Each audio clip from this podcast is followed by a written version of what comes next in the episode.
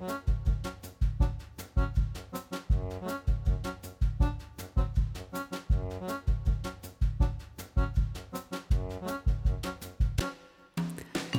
og blessaðan daginn og verði velkomin í mannlega þáttin, mánudaginn 9. januar sem er nýjundi dagur ársins 2023 og það er einmitt næsta, í þessum mánuðu verður alltaf auðvelt að segja númur hvað dagurinn er ársins og verður það að verða flóknara. Já, þá þá maður að fara að beita stærfræði. Já, nákvæmlega. Já. En það er ímislegt sem gerðist hennan dag. Já, og stærfræðin segir mér að, að fyrsta, fyrsti viðburður sem við rifjum upp, hann gerðist fyrir 2024 árum ég voni að reknaða rétt 1799, nei 224 árum, já, já, já. Eh, básenda flóðið svo kallaða, allir stór tjóni um öll söðurnes básenda á miðnesi tók af. Já Árið 1863 hófst rekstur neðanjara kerfisins í Lundunum og við erum með mitt að ræða það núna hvort að við erum að fara að setja upp lestir, við ættum kannski að sækja einhverja reynslu þangað. Já, sko, mér finnst þetta alltaf jafn magnað að 1863 hafi verið farið í neðanjarðalesta kerfi þetta er bara, að ég bara hugsa um út frá allir byggingatækni og allt slíkt sko, að ég mér finnst þetta ennþá jafn skrítið að hugsa til þess að það sé heilt kerfi undir borgum sko já.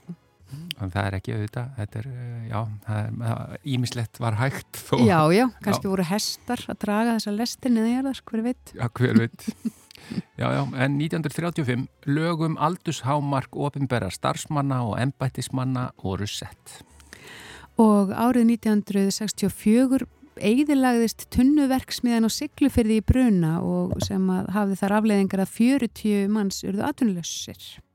Stærsta farþegarskip heims, eh, Queen Elizabeth, brann og sökk í höfnin í Hong Kong á þessum degi árið 1972. Þetta er eldfemur dagur. Já, já.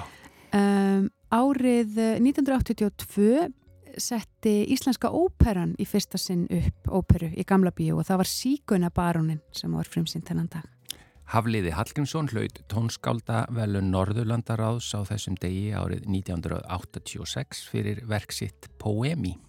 Árið 1990 fjall aðskilnaðardómunin svo kallaði í Hæstarétti Íslands Mikið stormflóð allir stórskemdum á Stokkseyri, Eirabakka og í Grindavík á þessum degi árið 1990.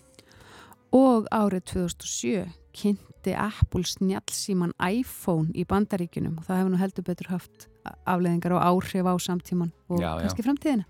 Þetta hefur allan að stuðlaða því að við erum stöðugt starrandu og í einhverja græju í lóanum á okkur. Öll með hálsrið og, og, og, og virka þumla. Vöðvabólgu í aukslunum mm -hmm. og, og nakkanum. Já, en yfir í efni þáttarins Já, í dag. Um, Ólaf Ingólfsdóttir er að var fjölhæfi listakona sem er mentuð í myndlist, dansi og söng auk þess að vera með mestrargráð í menningarmiðlun og hún hefur nú bætt markþjálfun við mentun sína og hún ætlar að koma enga til okkur að segja okkur frá því hvernig listræn nálgun getur hjálpa fólki að ná markmiðum sínum. Já, og við fáum vingil frá Guðjónu Helga Ólafsson í dag og í dag ber hann vingilin við Matarsóun Þorran, skoska skáldið Robert Burns og þjóðar gersemina þórarinn Eldjátt. Og lesandi vikunar í þetta sinn er svo Solveig Jónsdóttir, rítöfundur og tekstasmiður. Hún gaf út nýlega bókina Móðurlíf sem er örsakna sapn um allar mögulegar og ómögulegar tilfinningar tengdar móðurhlutverkinu en við ætlum auðvitað að fá hann alla segja ykkur frá því hvað hann hefur verið að lesa undanfarið og hvaða bækur og höfundar hafa haft mest áhrif á hann í gegnum tíðina. Já, mjög skemmtilegt. Byrjum á tónlist, Já. Eh, þetta eru stuðmenn og söngur fjallkonunar.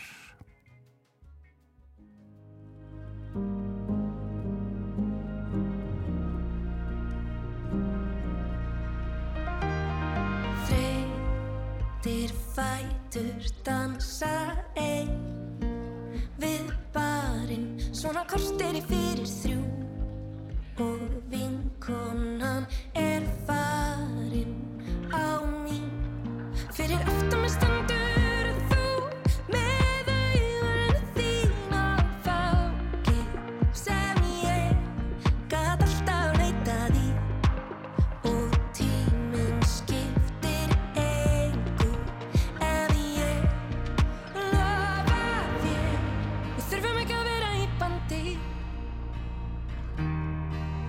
með standu Ég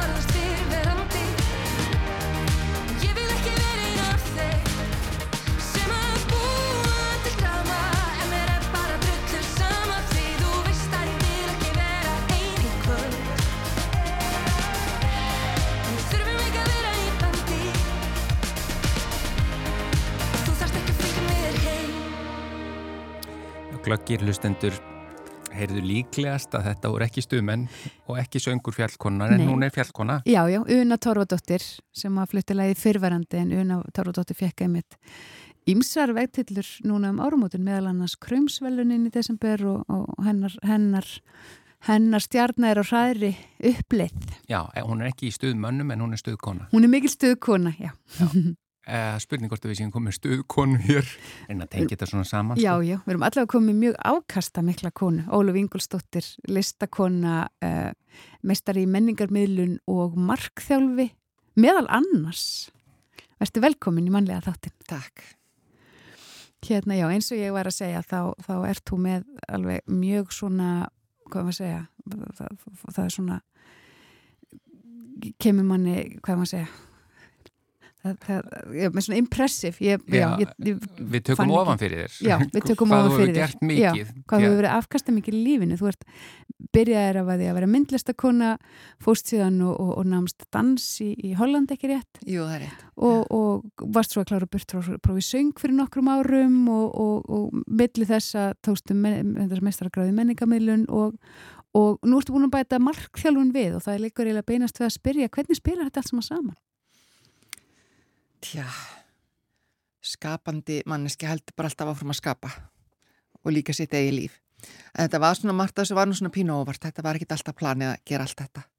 Og ég hef oft svona uh, verið svolítið svona þreytt að sjálfum mér bara, bara Ólef, hefur ekkit úttalt, það er alltaf að vera skipta, getur ekki bara haldið áfram með það sama.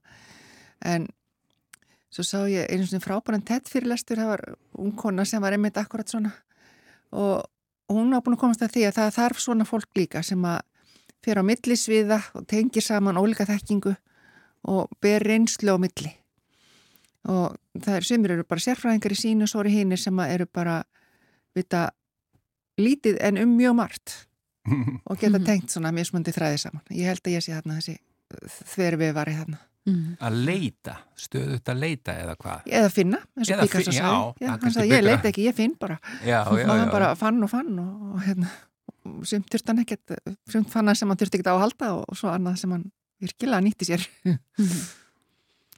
En, en þú hefur svona, einmitt, svona flakkað á milli þessara, flakkað á milli listgreina og verið í menningageiranum en, en hérna markþjálfun er kannski eitthvað sem að gagnast ekkert bara listamönnum og kannski gagnast listamönnum og einhvern ákveðin hátt sem að gagnast ekki, ekki öðrum. Já, ég held að markþjálfum geti alveg nýst öllum og, og kannski, já, já, alveg óhátt því hvað þið starfa við, sko. En e, mér hefur verið svolítið hugleikið þetta með listamennina, kannski að því að ég er úr þeim geira.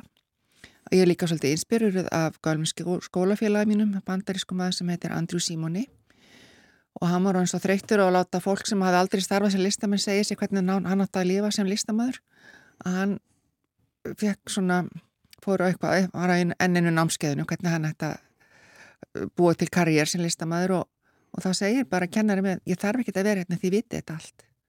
Þeir eru skapandi fólk og þeir getur bara notað ykkar sköpunarkraft, ykkar færni sem listamenn til að skapa ykkar líf.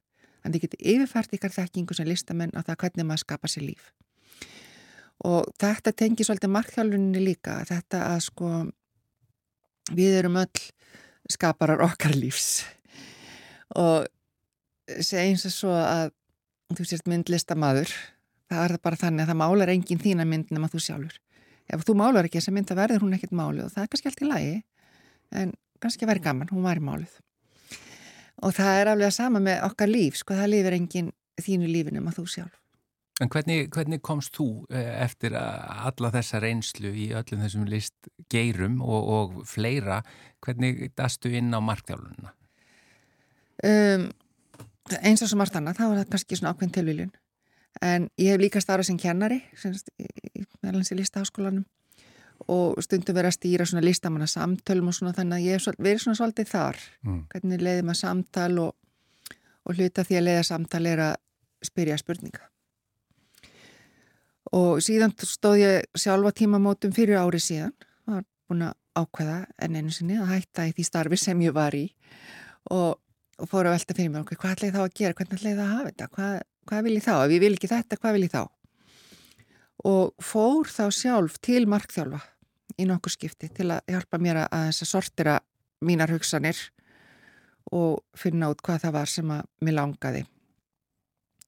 Og, og mér fannst það frábært og það hjálpaði mér rosalega mikið og ég fó bara vangluð inn í það ef ég týra seipuvinnunni og stökk út í óvísuna sem búið vera mjög gaman. Og hérna og svo fekk ég bara svona hálfgerða hugljómun í sumar bara, ég ætla bara að læra þetta. Þetta er bara frábær leið til að leiða samtal og sem ég finnst mjög gaman.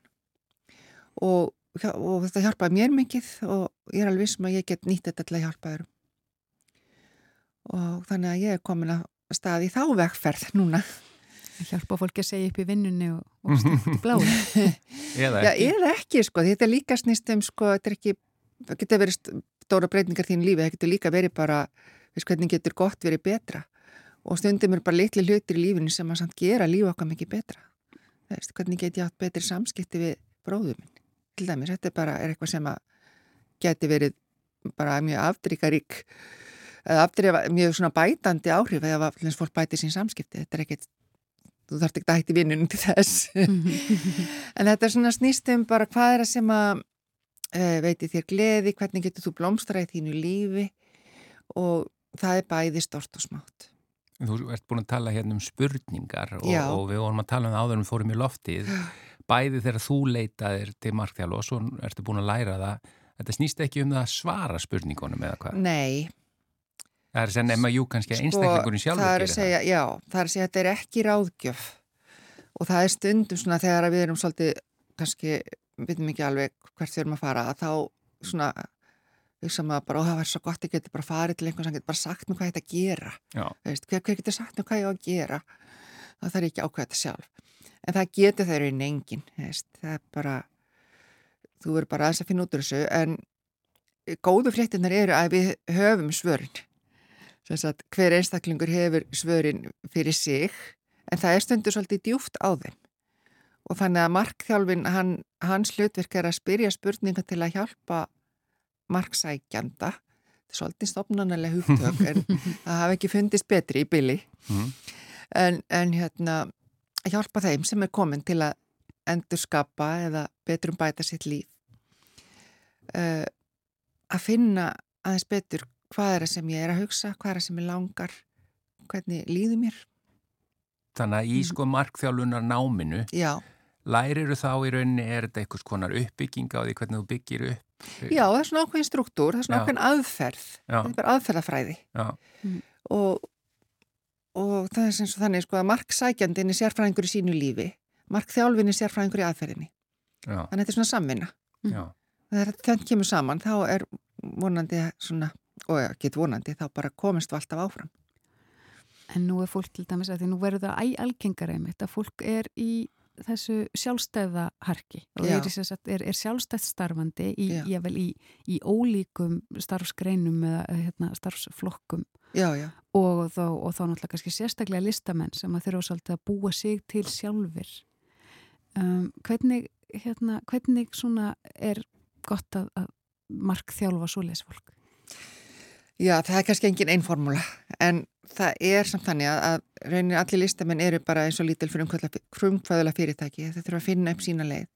Sem listamæður er ekki þannig að þú sækir um vinn og fá svo framgangi starfi og sért orðin listamanns forstjórin Stöðuhækun Stöðuhækun er eiginlega ekki til. Mm. og til dæmis listamannalaun alveg sem er listamannalaun hvort sem þú er búin að, hvort þú nýbyrjaður eða hvort þú er búin að vinna í 30 ár Já. það er sem er listamannalaun, það er ekki mhm. einu sinni sko kaupækun en hérna e, þannig að hver veit þar bara finna sína leið og og það er oft svolítið svona líka það snýst ekki bara um hvernig ætla ég að vera sem listamæður, það er bara hvað allt hitt í lífinu, það er líka ég þarf líka af tekjur, ég vil kannski líka á fjölskyldi, ég vil kannski geta að fara í sumafrí þess að það getur bara verið helgarna mál að skipa líka lífið þannig að geta að fara í sumafrí mm -hmm. og, og þetta er svona sem að listamenn standa alltaf svona einhvern veginn framfyrir og þetta fleiri og fleiri því að það eru svona fleiri og fleiri sem að velja það að vera sjálfstæðstarfandi í sínu fæi og þurfa þá að byggja upp sitt fyrirtæki sem er sama á þitt líf. Og markþjálfunin hún hjálpar fólki að fókusera og að svona sjá hvað, hvað er það sem skiptir mig máli. Það er engin forskrift. Ég get ekki bara horta á hérna, já, betur nú er ég listamæður. Þá er hann að listamæður sem er tíu árum eldri, ég ætla bara að gera eins og hann. En það bara er ekki þannig. Það verður hver að finna sína leið. Og það er enda líka það sem er svo uh, frábært í þessu. Að því sko við erum alls skapandi mannskur. Listamenn eða ekki listamenn, þá eru við skapandi mannskur. Og, og markþjálfurinn hjálpa kannski að tengja við okkar sköpunarkraft í okkar lífi hvernig getur við bara skapa það líf sem við viljum og, og svona unnið að því og þetta er svona bara svo er ekki en endapunktur þess það er ekkit, það er aldrei eitthvað svona nú er ég bara búin að þessu, þetta er bara komið því að mm -hmm. þess lífi heldur áfram, heimurum breytist, aðstæðu breytast og við erum alltaf í stöður í þróun og, og stöðu og flæði En þú eftir að hafa lært allt þetta og verið í, í þessum ólíku listgreinum og, og farið í meistaranám og allt Já. svo leiðis og komin á miðjan aldur núna þegar þú kynnist í hérna markþjálunni. Já. Ef þú hefði kynst henni um tvítugt heldur að lífið hefði verið svolítið öðruvísi? Já, sko það sem að þetta gerir líka, maður fær svona aðeins meiri tæki sjálfur mm -hmm. til að sko, þess að uh, spyrja bara sjálfan sig spurninga, maður getur orðið svona með tímanum, kannski bara markþjálfi í eigin lífi einhverju marki allavega. Og maður fær svona aðeins svona annað sjónarhótt mm -hmm. og þetta er líka svona tækifærlega staldra við sko og, og, og svona það þarf smá kjarki í þetta stundum að því maður þarf að líka þóra að segja þetta er það sem ég vil eða þetta er það sem ég vil ekki. Og, og vera sko að hafa frumkvæði í sínu lífi frekar heldur en að taka bara við því sem kemur.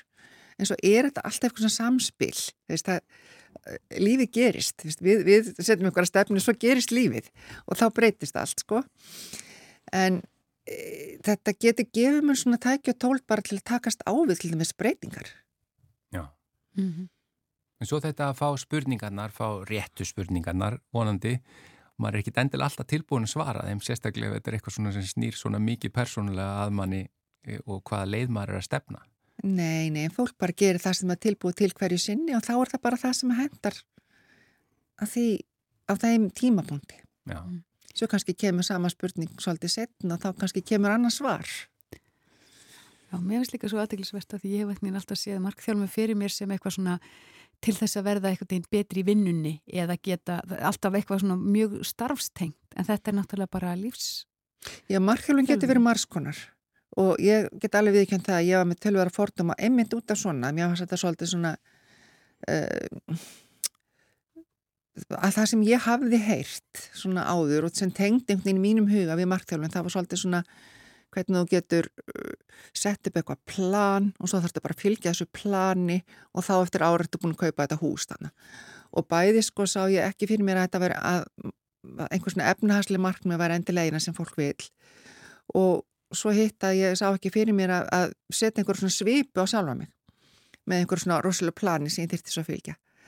Uh, og, og það er vissulega ein leið en það er ekki endilega leiðin sem að markhjálun snýstum og, hérna, og það er þetta fara með alls konar hluti inn í þetta. En þetta snýst kannski mest um það að vera við stjórnvölinn í eigin lífi og reyna að finna hvar, hvað þarf þú til að blómstra í þínu lífi. Og mm. það er ekkit endilega sama og einhver annar þarf.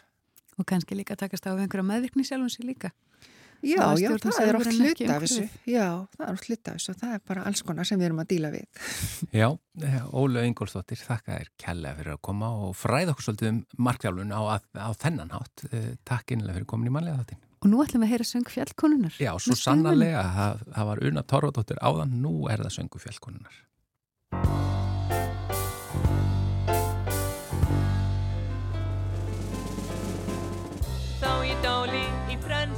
Hjóli hjá Trípóli Ég vildi heldur hanga daga langa í Napoli. Í þar er björn meira en hér Guðni sagði mér. Og held ég vildi halda á brotninu saman og þá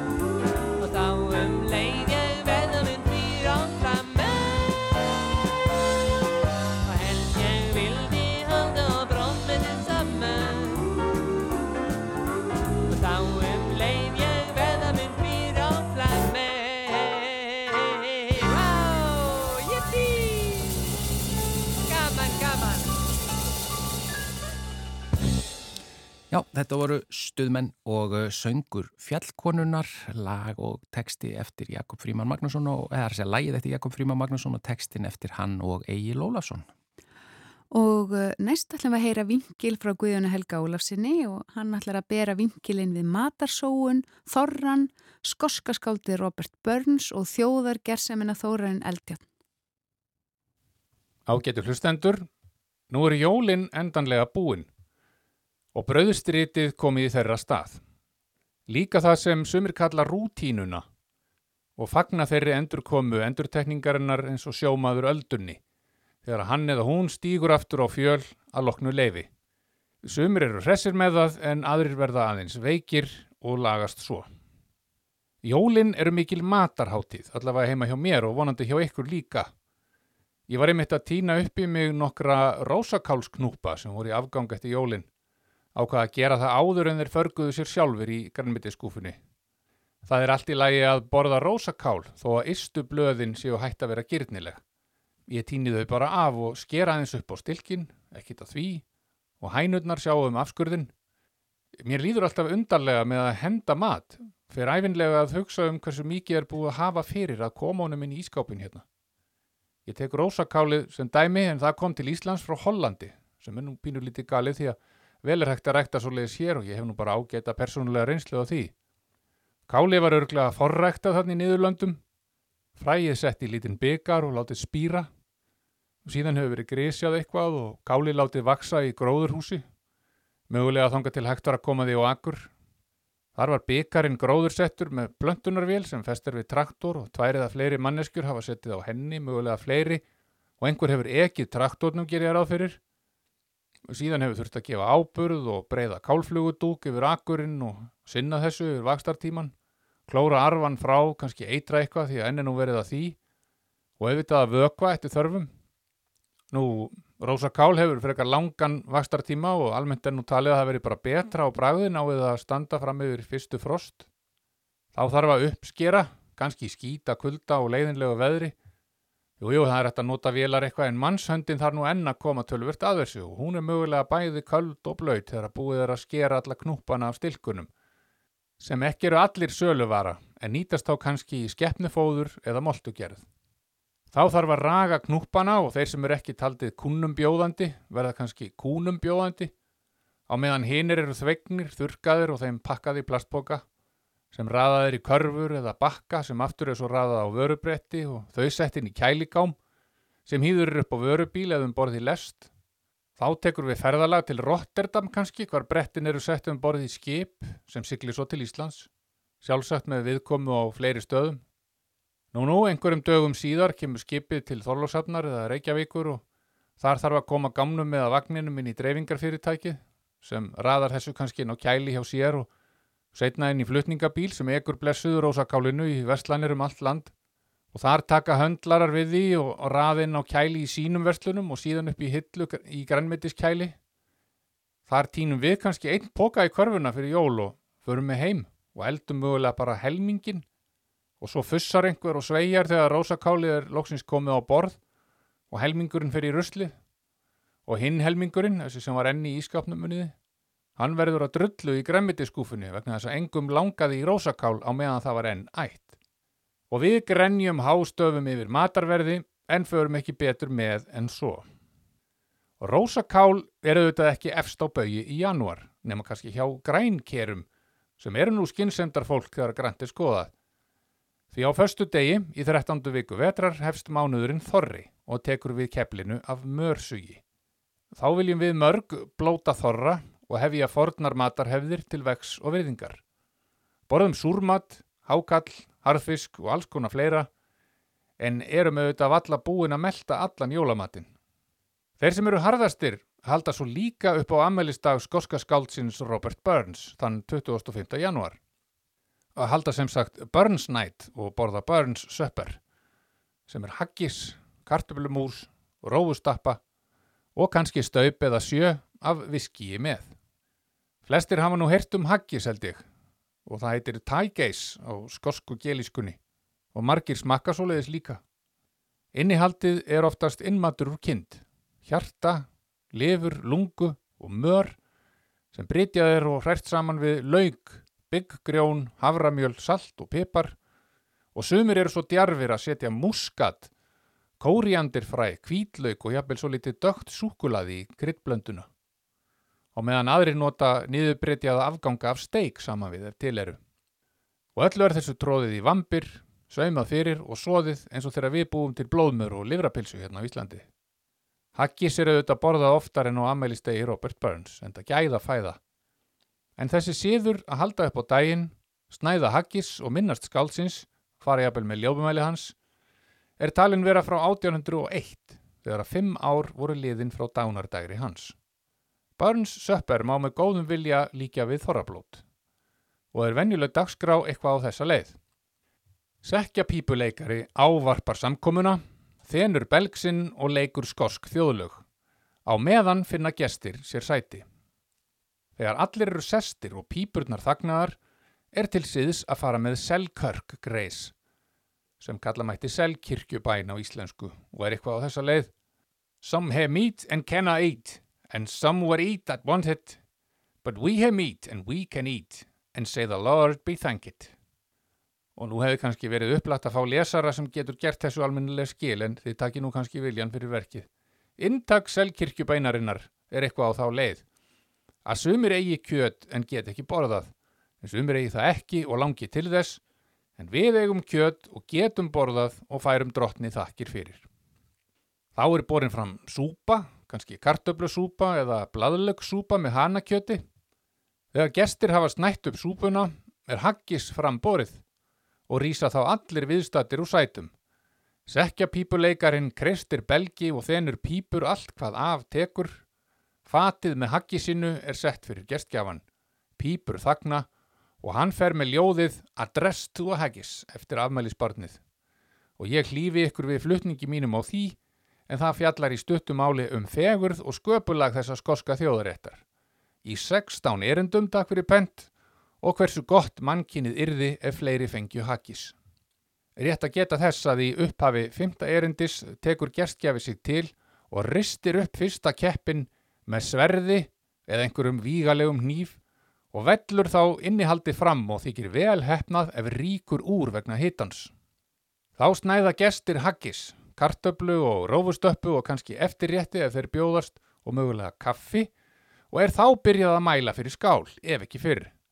Þar næst fer ræðumæður kvöldsins yfir æfi og starf Robert Burns sem sandi til dæmis Old Lang Syne eða hinn gömlu kynni gleymast ei eins og það hljómar í íslenskri þýðingu Árna Pálssonar svo fátt eitt sér nefnt og er hvert öðru betra. Í ræðulok er skálað fyrir eilífri minningu Amalísbartsins.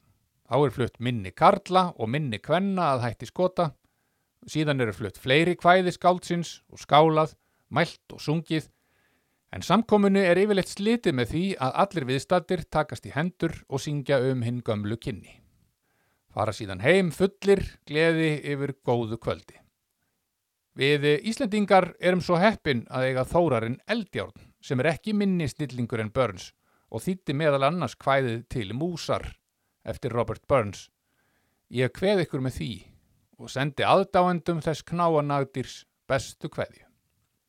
Æ skinnið litla skjarra mjúka, ég skelklétt þér í bringu fjúka. Samt þart þeir burt svo stygg að strjúka mín stuttleggja aða. Á eftir síst ég reyndi að rjúka með reytan spaða. Mér hryggir víst að veldi manna, ei virti sáttmál tegundanna. Hvað ryktið vonda virðist sanna er vann þér snúa gegn mér í fátakt fættum granna og félags búa. Ég veit þið hendir hnuppl og nart, en hvað með það? Þinn mat þú þart. Í heilu knippi eitt kornag svart, neitt kallast má. Það bætist við minn bróður part sem blessun smá. Þitt hús ég nú hef niður brotið, það næðar vindar gegnum kotið. Þú getur ekki gert upp slotið í gróður þraut og ílis kjör við höfum hlotið svo hörð og blöyt. Í auðun þú sást að akur lág, og ógnir vetrar skollnar á, í hólu látt þú hugðist fá að hafast við, uns plóksins tönn þér tætti frá þann trygga frið. Svo léttur byngur, blaða og stráa, slík byrði fyrir munnin smáa. Nú hýmirðu eftir yðju knáa án alls á jörð, að standast vetrar fjúkið fláa og frostin hörð. En mísla, fleiri finna samt, hver forsjálnin oft rekkur skamt. Vel ætla mís og menn sér jamt, svo misferst það. Við reppum sorg og gleðið gramt í gleði stað. Svo sannlega ertu sætli mér, því sífælt velstu nú og hér. En vei, um auksl mitt auglit fer, sér eimd og beig, og eins mig fyrir framtíð fyrir ber og fyllir geig. Góðar stundir.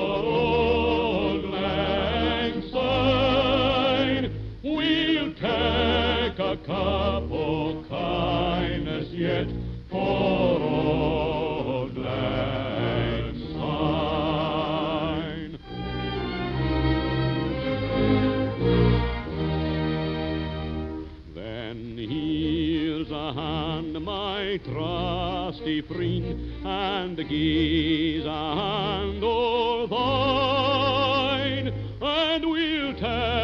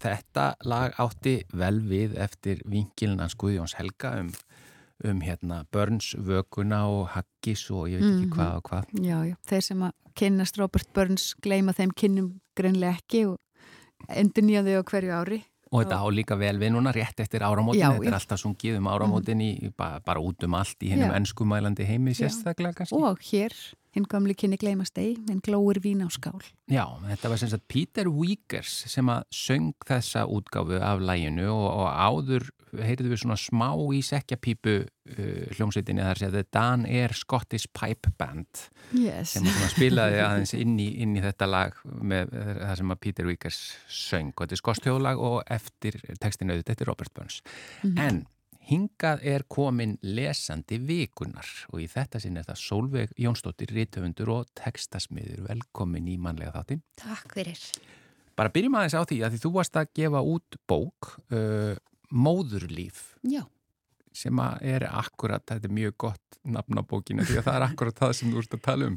Já, það er að segja líf móður. Akkurat. Þetta eru svona, og þetta eru örsögur. Þetta eru alveg örstuttar, litla sögur, litli pistlar í runni sem að helgast kannski bara svolítið að því að, að hérna, ég hef skrifað tvær skáldsögur og það er alltaf þessi þörf hjá manni að skrifa en svo á eigum við tvö lítil börn núna, fimm og tveggjára þannig að tímin er kannski ekki maður er ekkert í vandræði með að fylla tíman mm -hmm. Þannig að þetta hendaði mér bara vel að skrifa litla stuttasögur með þennan svona litla tíma sem maður hefur og svo hef ég heyrti mitt frá lesendum frá, sem margar eru mæður Mhm. og það er gott að hafa eitthvað svona stutt til að lesa maður kannski hefur ekki alveg heilaplássið í að sökva sér í djúpa skáldsögu þessa dagana og þá er gott að grípa einu og eina svona. Og svo er henni svo fallegu broti, hún er svona lítil og þægileg, þannig að maður getur skellt henni í bleiðutöskuna. Og... Já, það var nákvæmlega svona og ég voru glöð með hvernig hún lítur út, hún var einmitt svona hugsuð þannig, bara eitthvað svona til að, að hérna, skelli í vasan eða töskuna og, og grípa í. Svona. og eins og þú segir, þetta eru svona reynslu sögur og ég veit, hérna, ég sem fadir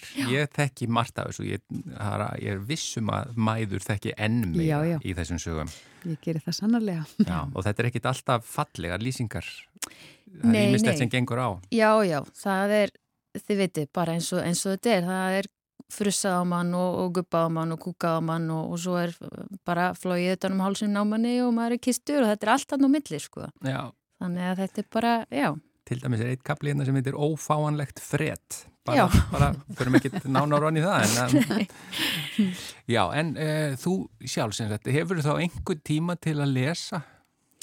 Já, ég hef, ég gef mér stundum tíma en þetta, ég verð að taka þetta í svona skorpum. Já, Það koma tímabil það sem ég les bara alveg slatta mikið og svo koma tímabil sem ég les bara ekki neitt. þegar þú lest Já, hvað svona, hvað svona lestu helst? Er það einhver sérstök tegund bókmentar eða, eða bókmenta?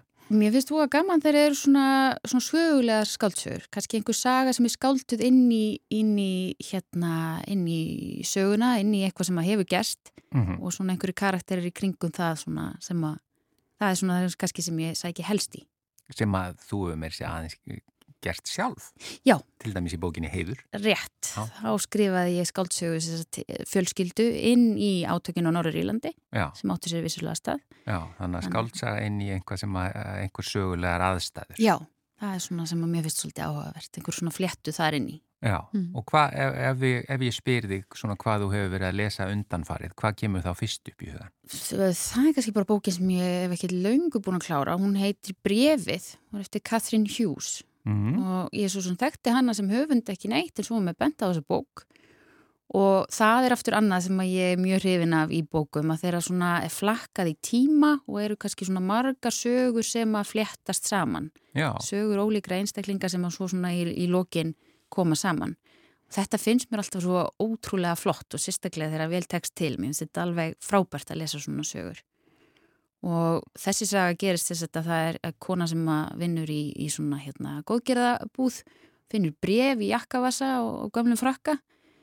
Og brefið er skrifað, hún, þetta gerist 1972 en brefið er skrifað 1939 mm. hún fer sér að þú ætlar að reyna að finna svona skrifandan brefsins og mótakandan og þetta fléttast allt ótrúlega flott saman.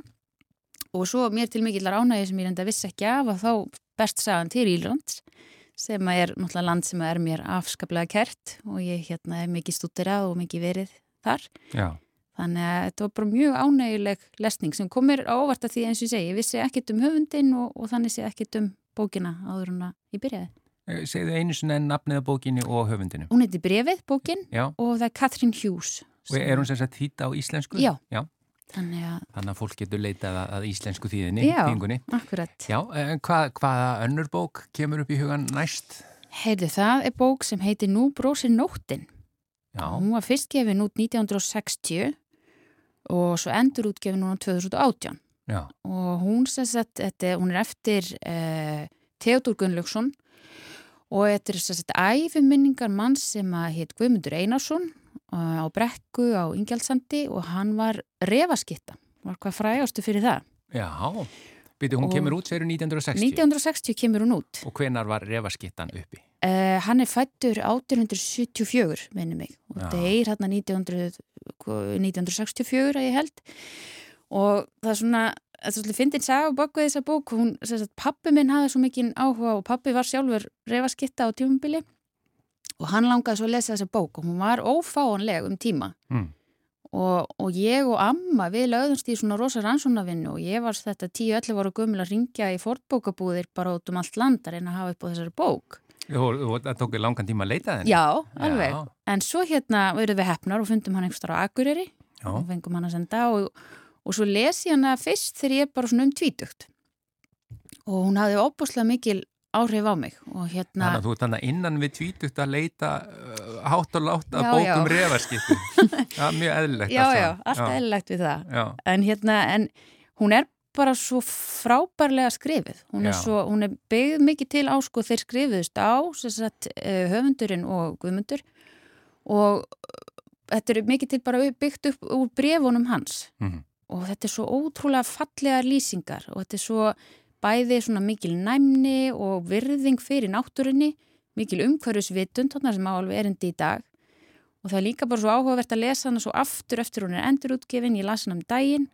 Þá búið komni svona viðaukar og, og hérna hann talar þarna um uh, æskuna sína og hann sem var bara algjör algjör draumur og, en þangað til hann missir pappa sinn og þá náttúrulega, þetta er bara veruleiki óbúslega margra á þessum tíma í Já. sveitarsamfélaginu á þessum árum hann talar um, hann Það má missir ekki mikið út að bregða á þessum tíma Nei. í sögunni. nákvæmlega, hann er nýjára þegar pappans druknar og þau eru Já. mörg sískininn í heimili og, og allt svona og þau eru sjá fram á þau eru að vera le- lenda á sveitinni eins og það var og, og hann talar um líka setna, hann eignast börn, missir börn og þetta er svona og svo aftur þegar ég lesa hana og sjálf búin að eignast börn að svona koma og heyra svona þessar lýsingar allar að því að stundum er talað um svona finnst mér á þessum á okkar tímum, fólk er að tala um já, amma mín, hún misti nú svona mörg börn og ekki kvartaði hún og eitthvað svona.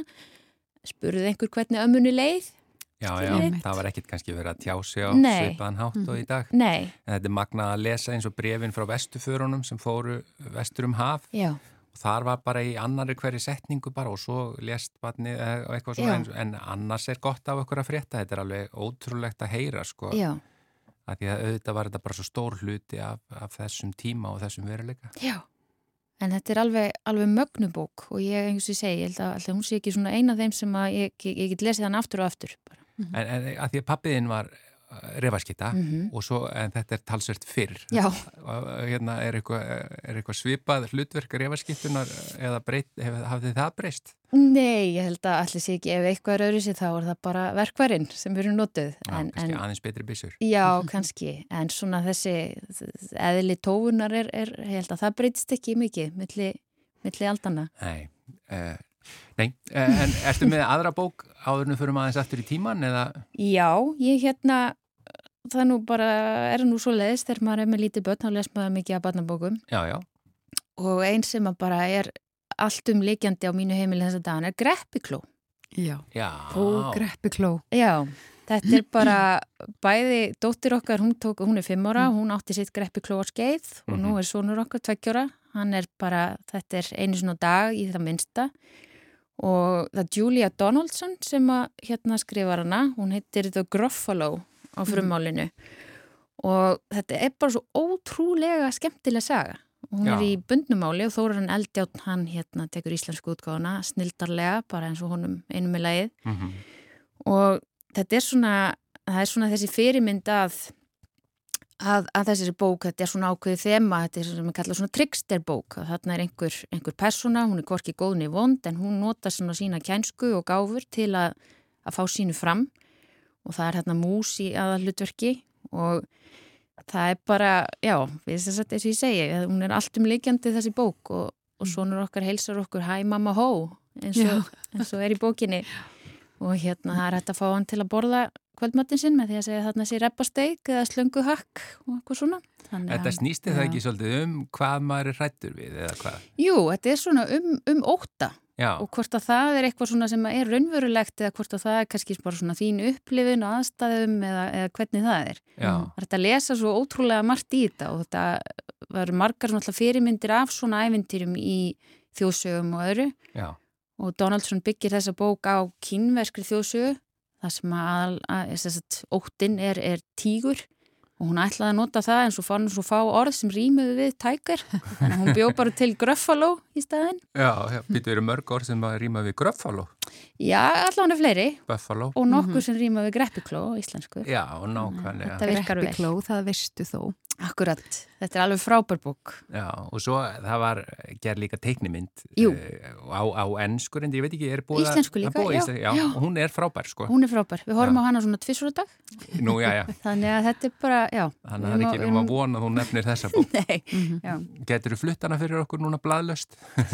Ekki alveg, en, en hérna, jú, ég, ég er alveg að, að komast alveg- En ef að við núna spólum bara aftur í tíman, þú mátt fara bara eins langt aftur og þú vilt, Mhm. hvaða svona bækur og eða uh, höfundar svona standa alveg upp úr sem Mhm. að einhvern veginn hafa mm, bara virkilega fyllt þér eftir að þú last bók eða, eða eftir einhvern höfund. Mm, ég hugsaði svolítið emitt um þetta eftir að þú varst að hérna, eftir við vonum fjalla saman og, og svo bók sem að kemur upp í hugan, Mm. það er bókin Býr Íslendingur hér, Já, eftir Leif Möller. Mhm. Einmitt. Og það er náttúrulega svona, ég var, hún hefur bara fyllt mér og haft rosalega mikil áhrif á mig út af því að ég stalst í að lesa hana, ég var allt og ung. Já, og hérna það var bókaskapur upp á efrihæðinni heima hjá ömmu og afa og ég var alltaf eitthvað að gramsa í honum og ég er ekki nema kannski svona 10-11 ára þegar ég fyrir að lesa þessi bók sem er náttúrulega með um, lýsingum leifs af upplifun sinni og æfi þegar hann, eftir að hann er handekinn á nazistum í Núri og sendur í þýskar fangabúðir. Og það sem hann upplifir þar og, og svona þessi þegar hann kemur hinga heim einhvern veginn að vinna úr þessum, þessum tilfinningum og upplifunum og þarna einhvern veginn svona byrjar að greipast eitthvað í hugan á mér bara þetta er náttúrulega óraunverulegar aðstæður og allan hátt og ómennskar en, en eitthvað sem að verður til þess að ég fer svona svolítið að stúdera þessi mál og, og hérna enda á því að stúdera þjóðverðnishyggju og þjóðverðnis átök Já, mörgum, mörgum árum setna. þetta leiðir þið inn í það sem að þú fórst að læra svo. Já, þarna kviknaði eitthvað Já, og hérna, en aftur, ég myndi ekki mæla með því að, að 10-11 ára væri að lesa þessa bók en Já þetta er svolítið svakaleg saga, já, en mhm. auðvitað sönnsaga líka, þannig að maður, þó að maður þó að það verður svona ung, þá greinlega lærður um mikið á því. Já, og eitthvað svona sem að greipist svona í hugan sem að þarf kannski að hérna að skoða betur setna og, og, og já, kannski þarft að fólk kynni sér einmitt það sem að hefur gerst á þessum Já, árum. einmitt og kannski líka fyrir okkur Íslandinga að við eigum þú veist, það eru náttúrulega til ímsar helfarar bókmyndir en að við eigum við eigum okkar sögu líka sko, Já, og við, við getum tengt beint við hana Nákvæmlega. það sé svo mikilvægt fyrir okkur sko. Já, eh, Sólveig Jónsdóttir, þakka þér innilega fyrir að vera lesandi vikunar í þetta sinn í mannlega þættinum. takkilega. Þættinum bara lokið í dag, Já, við þökkum fyrir okkur og, og heyrumst aftur á morgun veriði sæl.